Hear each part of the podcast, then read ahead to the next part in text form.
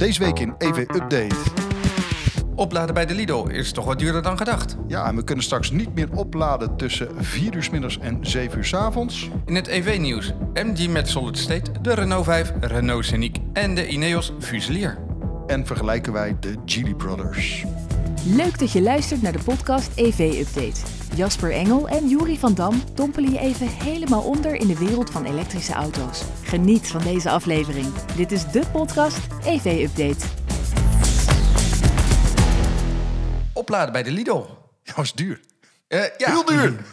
Een heel stuk duurder dan de klant verwacht had. Ja. Ja, en eigenlijk mag je nog ineens over een klant spreken. In ieder geval, er was namelijk een heer die had in zijn app gezien... van, oké, de Lidl, daar kun je gratis je auto opladen. Ja. Dus hij was met zijn plug-in hybride, een faselader, langzaam... was hij naar de Lidl gegaan en hij zei... jongens, oké, ik ga mijn auto ga ik volledig opladen. Vier uur lang heeft hij de auto opgeladen daar. Die auto heeft ook wel vaak 4 uur nodig. Omdat het Ja. een eenfase omvormer is. En dat is bij plug-in hybride dus eigenlijk helemaal niet zo heel gek. Eh, heel normaal, als je tegenwoordig steeds meer drie fasen... maar bijna allemaal zijn ze één fase en ben je 10, 15 kilowattuur gemiddeld... Ja? wat dan eh, de accu-grootte is. Ehm, ja, die laadinstallatie die was neergezet, in ieder geval voor klanten van de Lidl. Nou, Ja. ik ben ook wel eens bij de Lidl geweest. Ik ben geen vier uur klant bij de Lidl. En Maar- je bedoelt, je bent niet 4 uur in de winkel? Nee, Nee. dat hoop ik niet. Nee, nee, gelukkig niet. Maar die heer die had zijn auto daar opgeladen. Eh, wat bleek nou achteraf?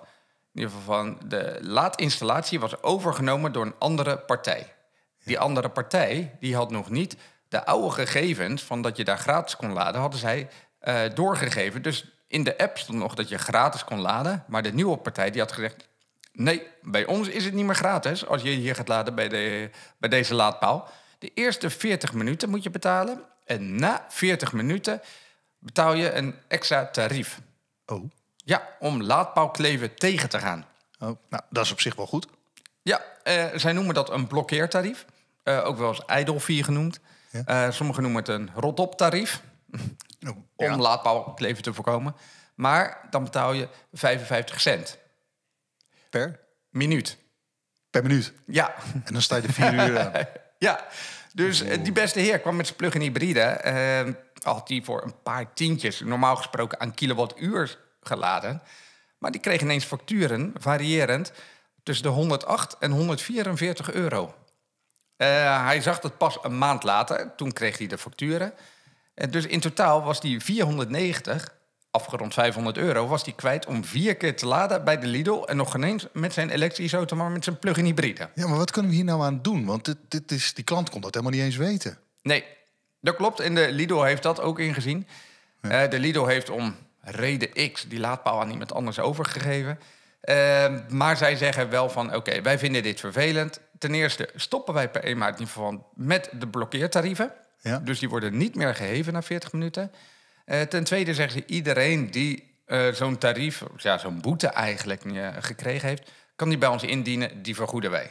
Dus ze lossen het wel weer heel erg netjes op. Nou, nou, chapeau voor de Lidl. Ja. Maar het zou eigenlijk al niet eens moeten gebeuren in de eerste plaats. Want het is nog steeds wel het wilde westen. Hè? Die tarieven, wat je betaalt per laden, idle fees, blokkeer, rot-op tarieven, weet ik wat. Dat moeten we het helemaal vanaf. Duidelijkheid, Europees. Dat klopt inderdaad. niet. En eigenlijk die nieuwe partij van die laadpaalbeheerder... in ieder geval, die had gelijk al door moeten geven van... hé, hey, de oude tarieven die gelden niet meer.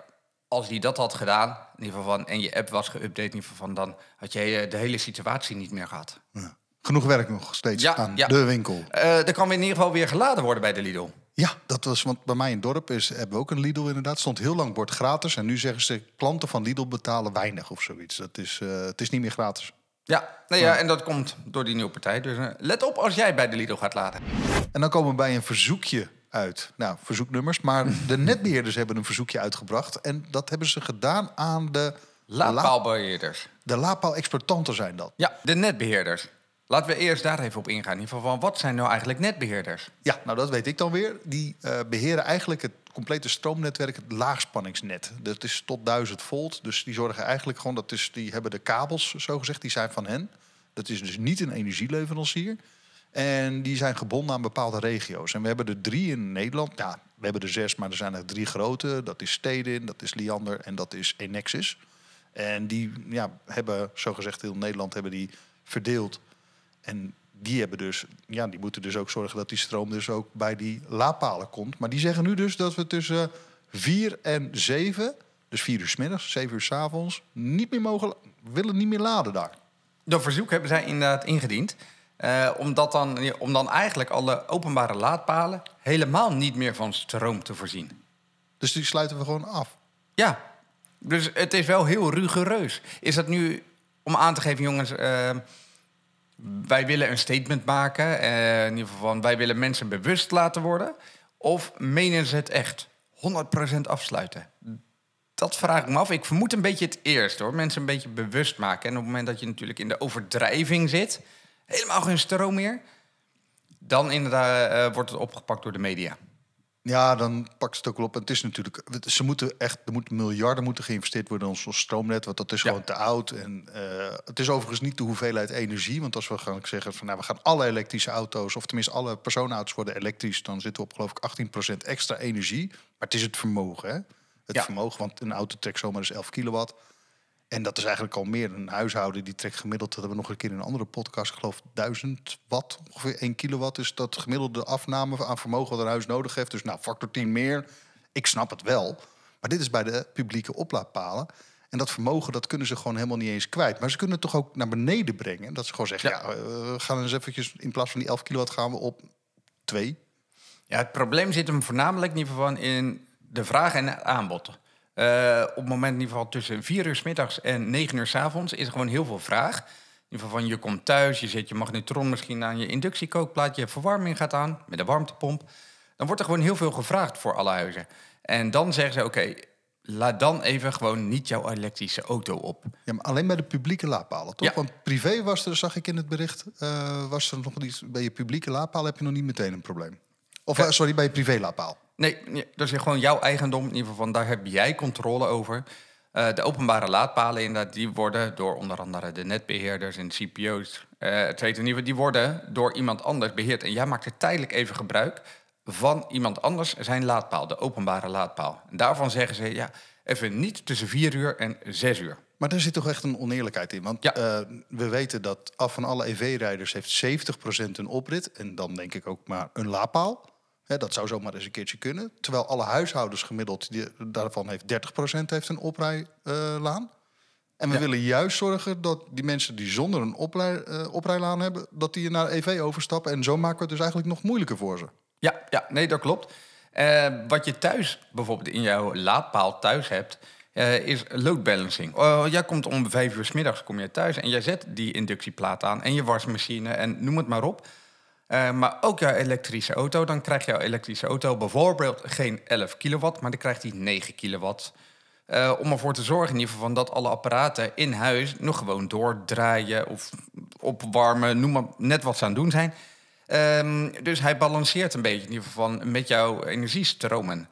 Als je gaat kijken inderdaad in ieder geval van waarom passen zij dat niet toe bij de openbare laadpalen op het moment dat er een piek zit tussen 4 uur s middags en 9 uur s avonds, eh, geeft die laadpalen ook gewoon even, nou, al is het maar 7 kilowatt, dan wordt er tenminste nog iets geladen. Want er zijn ook mensen eh, die gewoon nachtdiensten draaien of de vrouw die komt overdag eh, met de auto thuis om drie, vier uur, zet hem aan de laadpaal omdat de man s'nachts weer weg moet of andere reden. Ja, het zou toch zonde zijn als hij dan niet geladen wordt. Dan kun je niet van een openbare laadpaal aan dat hij daadwerkelijk je auto oplaadt. Ja, dat vind ik echt een hele bijzondere ontwikkeling eigenlijk. En, en, Ja. en eh, eh, verder gekeken ook, want je zegt load balancing. Want een load balancer, zoals je die nu kunt aanschaffen... die kijkt naar je huishouden. Hè? Die kijkt niet Ja. naar het landelijk stroomnetwerk. Nee, nee, die plaats je jou gewoon in je meterkast. Of die zit al in jouw laadpaal die op jouw oprit staat. Die zit je al in verwerkt. Maar die communiceert inderdaad in ieder geval van... oh, hoeveel vraagt jouw auto en hoeveel vraagt jouw huis? Ja, dat is op zich nog wel te doen. En eh, eh, kijken we naar tarieven, is daar al iets mee te doen? Want we hebben allebei een dynamisch energiecontract. S'nachts betaal je stukken minder. Volgens mij de beste motivatie om dat te gaan doen. Ik zag dat ook in jouw bericht bij de oplossing ook van... hey, waarom ga je niet met variabele tarieven werken? Ja. Dat mensen daartoe gestimuleerd worden. Want dit wat ze nu doen, wat ze nu verzoeken... ja, dat is echt dat, dat is contraproductief. Te absurd voor woorden. En het gekke is ook nog eens, als je gaat kijken... de overheid die wil dat iedereen elektrisch gaat rijden. Aan de andere kant, in ieder geval, de netbeheerders zijn eigendom van de overheid. En die zeggen, ja, aan de ene kant, je, moet elektrisch gaan rijden. Aan de andere kant, ja, maar je niet opladen tussen 4 en 7 uur s avonds. Dus dat is een beetje gek. Maar als je thuis een dynamisch stroomcontract hebt, eh, dan weet je al van oké, s smiddags um, of nou ja, s'avonds of in het weekend, dan zijn de prijzen lager. Dus dan kun je beter op dat moment je auto opladen. Op het moment dat je een fiscale stimulans of een financiële stimulans eigenlijk aan het opladen eh, zet, dan worden mensen veel meer getriggerd, in ieder geval op een, om op een ander moment in ieder geval te gaan opladen. Ik zet mijn auto eh, nou, oprit, gelukkig, die omstandigheid hebben wij dan. Ik, mijn auto gaat nooit om zes uur s'avonds aan de lader. Het is gewoon het duurste tarief. Dat, Ja. dat, eh, met mijn dynamisch stroomcontract, je kijkt gewoon op je telefoon, je ziet het al. De techniek is er allemaal, alleen we hebben ze nog niet bij elkaar weten te brengen. Nee. Het punt is wel, zeg maar in ieder geval, als je een dynamisch stroomcontract koppelt aan een openbare laadpaal. Ja, Ehm, dat klinkt ideaal, maar daar is het wat minder. Omdat je namelijk in ieder geval op het moment... Er zijn ook dagen in het jaar, of nou eigenlijk meer uren in het jaar... eh, dat je bijvoorbeeld gratis kunt laden. nou, Op het moment dat dat bij een openbare laadpaal gebeurt... dan staat iedereen in de rij. Dan heb je... S ochtends heb je misschien niemand, maar smiddags, omdat er heel veel zon is in de zomervakantie... eh, dan heb je misschien gratis opladen op zondagmiddag. Nou, dan krijg je een laadpaalfile voor de openbare laadpaal. Want iedereen wil natuurlijk tegen het gratis tarief wil die gaan opladen. oh, dan krijgen we het Portugese handdoekjes leggen. Of, eh, Ja. bij de, oh ja, dat worden we, willen we helemaal niet voor elkaar krijgen. Nee, ja, en Dat dan is- krijg je het laadpaal kleven. Ik weet, want dan moet je hem ook weer op tijd weghalen. Dus maar in plaats van dynamisch zou je meer met variabel kunnen werken.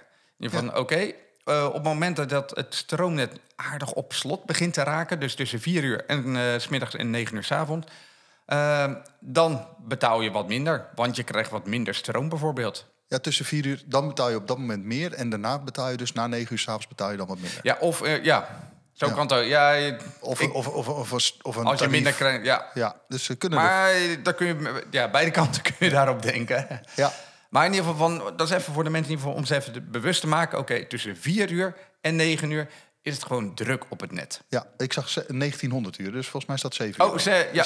Als ik naar jouw bericht kijk, hè. Maar Ja. eigenlijk, ja, ik weet het ook wel 9 uur s'avonds. Nou, vanaf dat Nee, vanaf wordt het, eh, 2100 uur. Van 1600 uur tot 2100 uur. inderdaad, goed gezegd. Nou, mooi. Ja. Ja. we houden het in de gaten. In EV-nieuws een nieuw automerk. Ja, Chinees. Uiteraard zou ik bijna willen zeggen. Ehm, het merk IM. IM staat voor... Ja, eh, Intelligent Mobility. Oh, oké. Nou, Eh, dat zal slim zijn, denk ik. Dat wel, in ieder geval. eh, MG denkt dat ze dat slim gedaan hebben. Het is namelijk een zustermerk van MG. Het is een soort premium eh, kant van MG, toch? Ja, Oké. als premium zetten ze in de markt. MG is in Nederland niet een premium merk, juist gewoon een heel betaalbaar merk. Hele goede zaken gedaan met de ZS EV. En die komen nu met de IM L6. Zo, fantasievolle naam. Ja, nou, daar zijn ze altijd goed in, die Chinezen. Nou, Ehm, het is gewoon een beetje Tesla Model 3, eh, Model S-achtige auto. Maar daar zit iets heel interessants in. er zit een belofte achter. Ja, ja, en dan heb ik het niet in ieder geval over intelligent mobility, een hele intelligente software. Dat zal er vast ook in zitten. Maar het heeft te maken met de accu. Ja. Die is namelijk solid state, zeggen ze. Oh, Kijk. die belofte heb ik wel vaker gehoord. De holy grail, the next best thing, eh, solid state inderdaad. De, de IML6 zal daarmee uitgerust zijn. Ja, weet je wat nou de voordelen zijn van een solid state accu? Dat Nee. is dat die eh, in theorie, het is niet zo dat het in de praktijk al zo is, eh, dat die en veiliger is en dus een veel hogere energiedichtheid heeft. En dat is soms tot factor 4. Nou, als je nou weet dat een accu ongeveer 400 kilo weegt, of soms wel 600 kilo, Ja. En hij wordt vier keer meer energie, dan kan die dus, nou, 400 delen door 4 is 100, of 600 delen door 4, 150 kilo wordt hij dan. En dan zou dus een elektrische auto zelfs nog lichter kunnen zijn, omdat een elektromotor op zichzelf helemaal niks ten- ten opzichte van een brandstofmotor, zou die dus lichter kunnen zijn dan een benzineauto. Wat natuurlijk onwijs veel mogelijkheden ook weer te bieden heeft. Nou, en dan Ja. vervolgens zeggen ze ook op Solid State... ja, we gaan wel, gaat wel 60 jaar mee. Veiliger, omdat er dus geen vloeibare materialen meer in zitten. Dus het, het lithium-ion, dat is een... Ja, Een vaste vloeistof, solid. Ja, ja, eh, dat is normaal is het een soort gelvorm. En dat hebben ze er dus uitgehaald. En zeggen ze, nee, dan, daarom noemen ze het ook echt Solid State. Alleen tot nu toe is... Ik eh, ken maar één merk die dat nu ook echt heeft toegepast. En dat is nog op een stadsbus, dat is Mercedes-Benz. En voor de rest heb ik er heel veel over gehoord en nog nooit gezien. Maar ze zeggen nu wel, wij gaan hem introduceren in Genève. Dus we Ja. gaan er naartoe. Ja, Absoluut. Inderdaad, dan krijgen de IML6.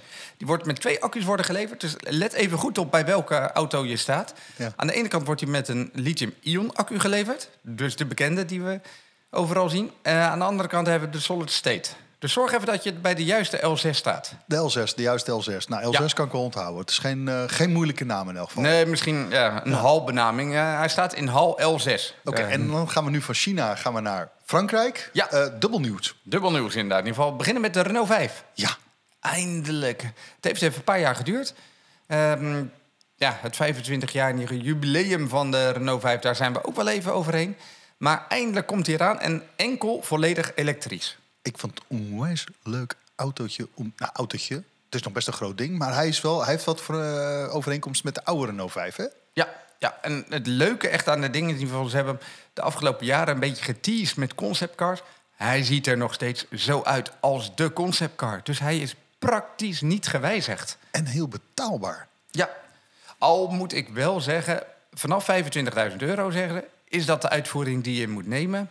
Vaak niet. Dat geldt ook in dit geval. Want hoe zit het nou met laden van die Renault 5? Daar heb ik ook wel wat over gehoord. Het is niet zo dat een DC-lader standaard is, toch? Nee, dat is namelijk het geval. Oké. Eh, hij komt met in ieder geval drie elektromotoren, 95, 120, 150 pk, twee accu's, 40 en 52 kilowattuur. Oh, die kennen we. Ja. Ja, de kleine 40 heeft 300 kilometer, de 52 kilowattuur heeft 400 kilometer actieradius. Maar dat laden, wat jij zegt, we beginnen inderdaad in ieder geval met de kleine accu. Eh, als je die in de basisuitvoering vanaf 25.000 euro bestelt, dan kun je niet DC laden. Je kunt er ook niet als optie bij bestellen. Iets wat bij de Dacia Spring wel kan. Daar kun je optioneel DC laden, wat ik altijd zou doen, erbij bestellen. Ja, ja Dus- want anders kun je niet langs de snelweg laden. Dus Nee. dan ben je echt helemaal gehouden aan je dorp ook. Ik vind een DC-laadmogelijkheid altijd een belangrijke factor. Ook al gebruik je hem maar één keer in het jaar, die enkele keer ben je heel dankbaar dat hij erop zit. Ja, inderdaad. Maar in ieder geval de DC-laadsnelheden, die zijn gewoon goed. Ik, eh, ik zeg altijd factor 2. Eh, op het moment dat je de iets duurdere uitvoering neemt, maar wel in de 40 kilowattuur accu, dan kun je 80 kilowatt DC laden. Op het moment dat je de 52 kilowattuur accu neemt, dan kun je met 100 kilowatt DC laden. Nou, dat Op is het moment- snel hoor. Op het moment dat dat van toepassing is, factor 2, eh accu-inhoud ten opzichte van laadsnelheid, dan zit je goed. Hoe meer, hoe beter. Maar nee hoor, voor zo'n kleine accu, keurig voor elkaar. Als ik eh, de reacties zie, van, ook op onze website en wat we ervan horen, Renault 5, als je de auto ziet, het is echt zo'n onwijs leuke auto om te zien. Ja, en weet je je, wil hem echt hebben, hè? weet je waarom je hem eigenlijk al wil hebben? De baguettehouder.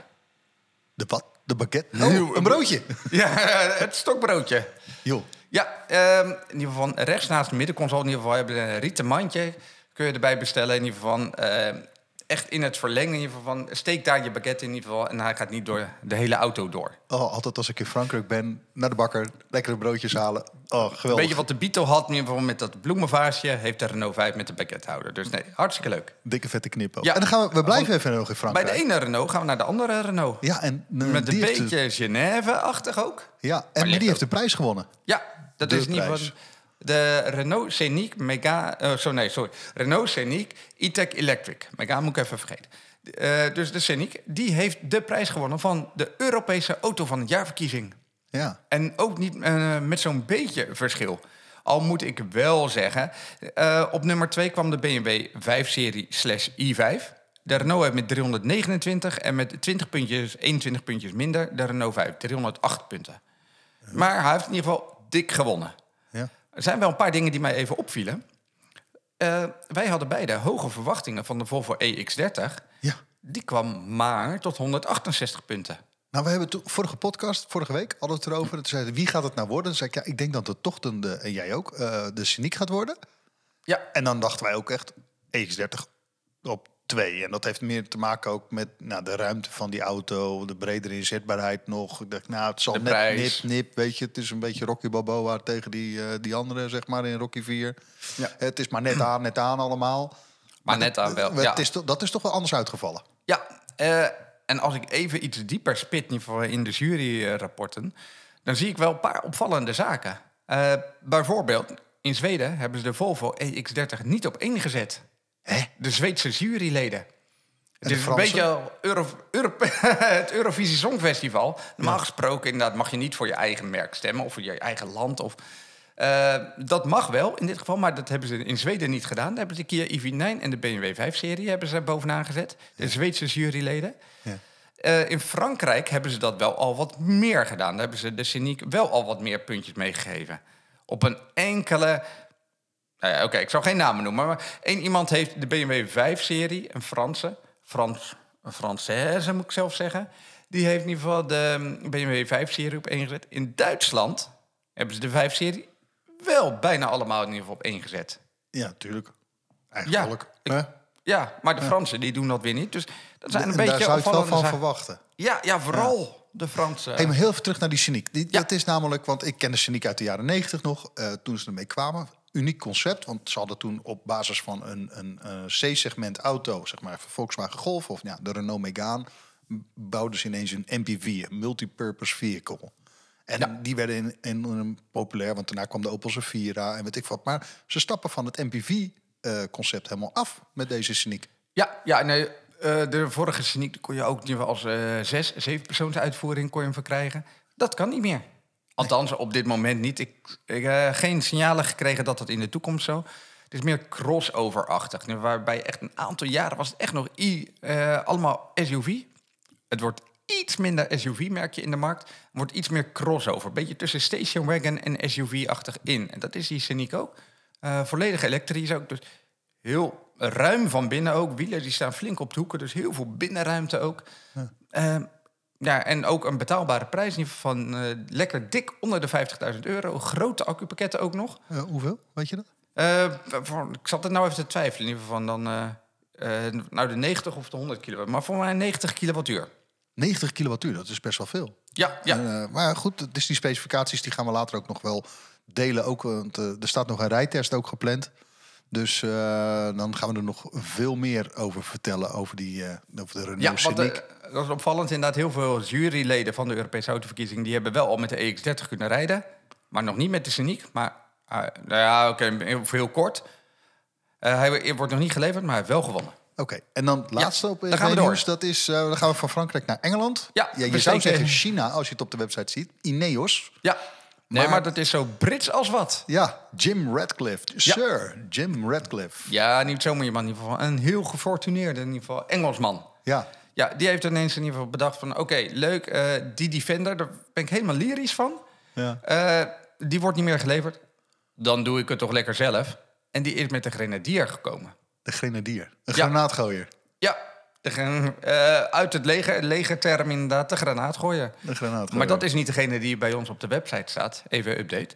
Dat is die andere, Ineos. De fusilier. Ja, De, de, de, de schutter. Ja, ja. Wikipedia zegt de geweerschutter. Geweerschutter. Oké, Oké, nee, ja. eh, goed. Maar hij, die is volledig elektrisch. Ik vind hem trouwens wel, als ik hem op de website zo zie... vind ik hem verrassend veel op een auto lijken... die ook wel in eh, Oostenrijk wordt gebouwd. Ja, ja nou, en die een ster op de voorkant heeft. Ja. Ja, in ieder geval van de Mercedes G-klasse, ja. Maar deze is wel, heeft een compleet nieuw onderstel. Ze hebben dus een soort skateboard design hebben ze gemaakt. Eh, grote accu, eh, allemaal goed. Maar ook echt het, echt het 4x4 concept, dat houden ze helemaal vast. Dus je Ja. kunt gewoon hartstikke milieuvriendelijk... Ik denk dat ze hem dan gebruiken in Engeland voor de jacht of zo. Dat, dat, dat ze daarvoor bedoeld zijn. Ik kan me niet voorstellen dat ze... Ja, nou ja, ze zullen ook wel in Londen veel eh, rondrijden, want daar mag dat ook alleen maar. Het maar, moet wel een beetje stoer zijn en dan kun je milieuvriendelijk. En dat grote accupakket heb je ook wel nodig, want aerodynamisch zijn beide modellen van Ineos helemaal niet. Ja. Maar onze collega Bas van der Weert die wilde je graag overschrijven... omdat hij in het verleden ook fusilier was geweest. Geweerschutter in het leger. Oh ja. Dus hij zegt, nee hoor, dat spreekt mij echt enorm aan. Nou, misschien is Bas wel de doelgroep voor zo'n auto. Hij heeft er een leuk verhaal van gemaakt. Ik vind trouwens ook een ontzettend eh, gave kleur. Als ik hem op de website zie. eh, Nou, gave kleur. Eh, als de auto op zichzelf nog niet echt opvalt, wat absoluut niet het geval is, dan doet de kleur het in elk geval wel. Dat als je hiermee door de PC-hoofd moet, geloof mij nou maar, ze Zo. zien je rijden. Ze horen je niet, maar ze zien je wel. Dat klopt. Inderdaad. En dan de rijtest van deze week. Ja, Rijtesten. Rijtesten inderdaad. Een triootje. En tri- inderdaad. We hebben de Geely Brothers tegenover elkaar gezet. Ja, En klinkt dat in zegt waarschijnlijk de mensen helemaal niks nog. Nee, ni- niet zoals de Blues Brothers. Eh, Dit zijn de Chinese Geely Brothers. Ja. Ehm, het is de Volvo EX30, de Smart Hashtag One en de Zeekr X. Ja. En waarom zijn dat nou broertjes van elkaar? Nou, ze delen over, het algemeen hetzelfde platform. En Ja. ze hebben alle drie 272 pk. Standaard 272 pk. Ja, de elektromotor die komt er gewoon uit hetzelfde magazijn. En die zit op de achterwielen. Ja. Eh, Smart moet. Oké, kleine disclaimer. Smart is voor 50% eigenaar van Geely en voor 50% van Mercedes. Mercedes is verantwoordelijk voor het interieur en het exterieur. Eh, en dat is ook gelijk een beetje de reden waarom mijn voorkeur ook een beetje naar Smart uitgaat. Ja. Ik vind hem er gewoon leuk mooi uitzien. Ja, ik heb dat helemaal niet. Nee, ja, dat snap ik ook wel. maar Het een beetje vrouwelijk is het ook. Maar, eh, Nou, dat Ja. weet ik niet. Nee, dat Nee. weet ik niet. Ik vind gewoon... Beetje ik, rond. een Smart is eh, wat mij... eh, ik vind de EX30, dat is echt mijn auto. Eh, waarom? Standaard al 11 kilowatt laden. 36.795. Ik had nog in het filmpje had ik nog 790. Dus sorry voor die 5 euro, beste luisteraars. Eh 790 euro. En dan heb je eigenlijk al heel erg veel auto. Ja. En een Volvo. ja, En dat is eigenlijk ook wel de meest logische vraag. Is het dan nog wel een Volvo, een compacte auto? Dat is Volvo eigenlijk helemaal niet gewend. Hè? Dat is ook daarom ook de, de code 30. Hè? We hebben de C30 van vroeger nog gehad. Eh, echt wel eventjes wat langer geleden. Die hebben ze al een tijdje niet meer. Dus het is echt een auto die aanvullend is op, het, eh, op, het, op, op de modellenlijn. En is die dan ook Volvo Premium? Voel je ook echt een Volvo als je ermee gaat rijden, als je erin zit, voor je neus, de schermen? Ja, als je het mij vraagt wel. Kijk, we hebben ze, thuis hebben wij ook een XC60. Eh, en ja, goed, natuurlijk, het is, dit is een kleinere auto. Deze valt nog onder de nieuwe EX40. De XC40 van vroeger, zo gezegd. Hè. Die heeft Ja. een naamsverandering net gehad. En ja, ik vind wel... Het enige wat ik echt heel erg wennen vind... en ook wel soms wel wat lastig vind... maar het zal wel goed komen... is dat er alleen maar een scherm in het midden zit. Net als bij eh, de Tesla. Ja, je hebt helemaal niks voor je neus, niks, ach- niks achter het stuur en ook geen head-up display wat in je vooruit geprojecteerd wordt? Nee, nee, nee. Alleen een bloedirritante sensor... die de hele Ah. tijd in de gaten houdt... of jij wel genoeg op de weg kijkt. Eh, Ah, veiligheid. Maar op het moment dat jij naar het scherm kijkt, Ja. begint hij dan al te piepen? Dan begint hij al heel snel te piepen, ja.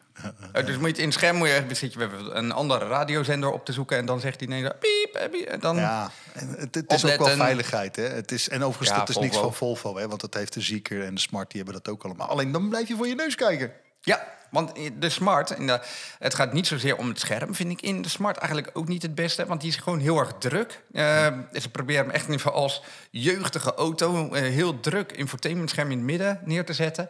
Eh, maar die heeft tenminste wel nog niet van achter je stuur een schermpje. En als je een iets duurdere uitvoering neemt, dan heb je hem ook in de vooruit geprojecteerd. Ja, de head-up display. Ja, En dat De kan bij de. Volvo ook echt Ja. niet, hè? De hut. Het HUD, ja. ja. Ja, ja, klopt. Ik denk hut met een T. en Ja, nee, met een D dus. Ja. Ik vind wel, ik, op, op zich, het rijdt goed. Maar het is natuurlijk hetzelfde onderstel. Het 272 pk doet het op zich goed.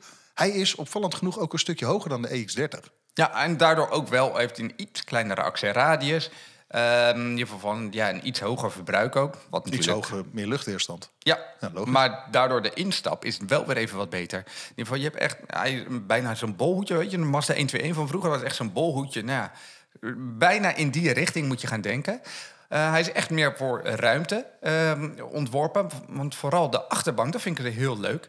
Eh, meer modellen hebben dat, maar deze heeft ook weer een verschuifbare achterbank. Dus afhankelijk van waarvoor je de auto gebruikt, zet je de achterbank iets verder naar voren of naar achteren. Dus iets meer bagageruimte eh, of minder, of iets meer beenruimte voor de achterpassagiers. Want het hoogteverschil tussen de EX30 en de Smart, dat is zomaar eens 5 of 10 centimeter. Het is echt best wel veel. Als je ze echt naast elkaar zet. Dat viel ons echt op toen. Ja, ja, Ja. en dat scheelt zomaar 20 kilometer actieradius. Kijk, ik, ik, ik ben echt voor de EX30. Ik vind het echt, dat zou mijn keuze zijn. Jouw keuze zou dan meer die Smart zijn. Of Ja. niet meer de Smart zijn. Maar dan moet ik wel zeggen, inderdaad niet de basisuitvoering. Eigenlijk Nee. zoals zo vaak bij elke uitvoering. We hadden het net ook over de Renault 5, die moet je ook niet. Dus een basisuitvoering is zoals vroeger een auto zonder airco. Die koop je ook niet meer. De Smart die wordt met een eenfase lader wordt die standaard geleverd. Ja. Als je maar iets duurder neemt, in ieder geval de Pro Plus uitvoering... dan krijg je gelijk al drie fasen, 22 kilowatt. En wat betaal je dan? Weet je dat dan zo? Nee, Weet dan zit je nog net onder de 40.000 euro. Je begint ook weer vanaf een kleine 37 en dan zit je net onder de 40.000 euro. En dan heb je al een drie-fase omvormer. Ja, op dat- 22 kilowatt. nou, ze En Volvo komt niet hoger dan 11 kilowatt. Maar we hadden ook gezegd dat er nog een derde was. Ja, en 100% Geely moeten we wel bijzetten. Dat is 100% Geely. En ze zeggen, ja, dat is eigenlijk gewoon een ander merk van de EX30. En vervolgens zijn we daar ook achter gekomen. Nou, dat is niet het geval. Hij heeft wel hetzelfde onderstel. En ook 272 pk Ja. standaard. En wij deden dan nog met die 438 pk geloof ik. Ja, ze hadden bij ons die met dubbele elektromotor, 428 pk inderdaad. Mm. En het onderstel, nou, oké, het is hetzelfde onderstel. Het enige verschil is wij is 20 centimeter even iets langer gemaakt. Dus eh, eh, waarvan wij altijd zeggen, in de, nou, ga het niet voor de eh, basisuitvoering. Zou je dat bij de Zieker X wel weer kunnen doen? Ja, hij is ook van 42.000 euro. Hij is ook echt een stukje duurder. Hè? 42, zoveel. 42, 94 ja. fiscaal. Ja. Maar eh, dan krijg je ook standaard ja, ja, dezelfde 272 pk, maar ook gewoon gelijk drie fasen, 22 kilowatt, bam. Meer ruimte, grote onderstel, bam. Hij is gewoon echt luxer uitgerust en hij voelt ook gewoon echt luxer aan. Ja, eigenlijk is dat wel. Ik zat er echt in te kijken en ik was positief verrast. Ah, de achterruimte voor de Ja. achterpassagiers. Dat is gewoon bijna een taxi, zeg maar. Je kunt er gewoon heel goed achterin zitten. Ja, Eh, en wat ik heel erg leuk vond, en had ik nog niet eerder in een elektrische auto, sowieso niet in een auto gezien. En we kennen natuurlijk altijd eh, augmented reality. Ja. Ja, en dan heb je in dit geval heb je dus zo'n scherm. En als je achteruit parkeert, dan projecteren ze tegenwoordig met al die sensoren. Kijken ze dan, en dan doen ze als een soort bird eye view of bovenaf, Ja. een drone shot. helikopterview. Waar je, Mm, waar je die auto aan het parkeren bent. Want ja, dat, dat, dat werkt op zich hartstikke goed. Kun je echt Ja. gewoon op je scherm kun je hem gewoon parkeren. Wat ze nu hebben gedaan bij de Zieker... dat is als jij eh, gewoon voorgesorteerd staat naar links... en je doet je kniplicht uit, dan komt er dus ook een scherm... en dan wordt jouw auto van de zijkant af... een beetje schuin achter aan de zijkant wordt die geprojecteerd. Dan zie je dus die auto staan op de plaats waar jij staat. Ja. Dus in, op, op dat wegbeeld, of er dan wel of niet fietsers naast je staan... echt, dat zouden alle auto's moeten hebben. En het leuke, en dat vind ik eigenlijk wel het gave geval, je kan ook door de auto heen kijken dan. Ze projecteren eigenlijk in... Je ziet je auto, een soort beetje net transparant... Eh, en je kijkt door die auto heen en te- je ziet jezelf ook daadwerkelijk de bocht omgaan. Ja, het is net Gran Turismo, zeg maar, maar dan ja, Ja. in het echt. Ja, Nou, nou, en we hadden het net nog even, even ja, de overeenkomst hadden we het even over. Maar de grote verschillen, vooral in uiterlijk, die zijn wel heel erg groot. Het is, het is ook echt wel een persoonlijke voorkeur waarvoor je gaat. De Zika X, dat is bijna een beetje Chinees gelijnd, zeg maar. Scherpe lijnen. Ja, ja, Eh, ja. Nou, de Volvo is Ook wel redelijk hoekig. Zou Maar je kunnen wel typisch maar Volvo. Echt een typische. Je ziet meteen, oh, dit is een Volvo. Je ziet er geen, Een hele- niks Chinees zie je eraan. Nee, knap gedaan nog steeds Ja. trouwens.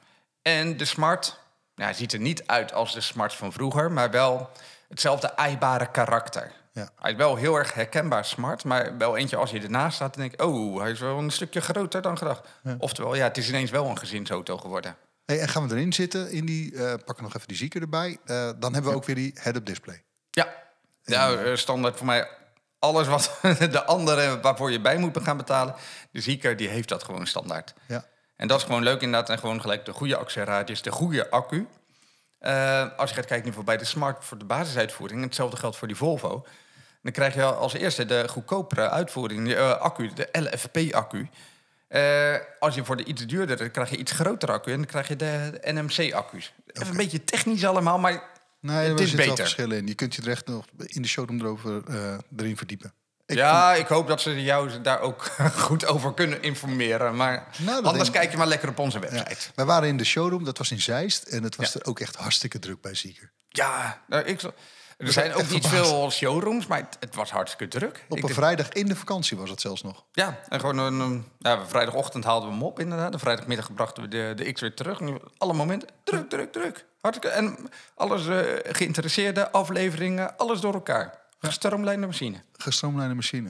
Nou, we houden het in de gaten. Dus- Ehm, volgens mij zijn we alweer aan het eind van deze aflevering gekomen. Ja, en ik sluit even bij jou. hè. Hou onze podcast in de gaten, hou onze website in de gaten... en abonneer je ook op onze podcast. Dan eh, mis je nooit een aflevering. Tot de volgende keer.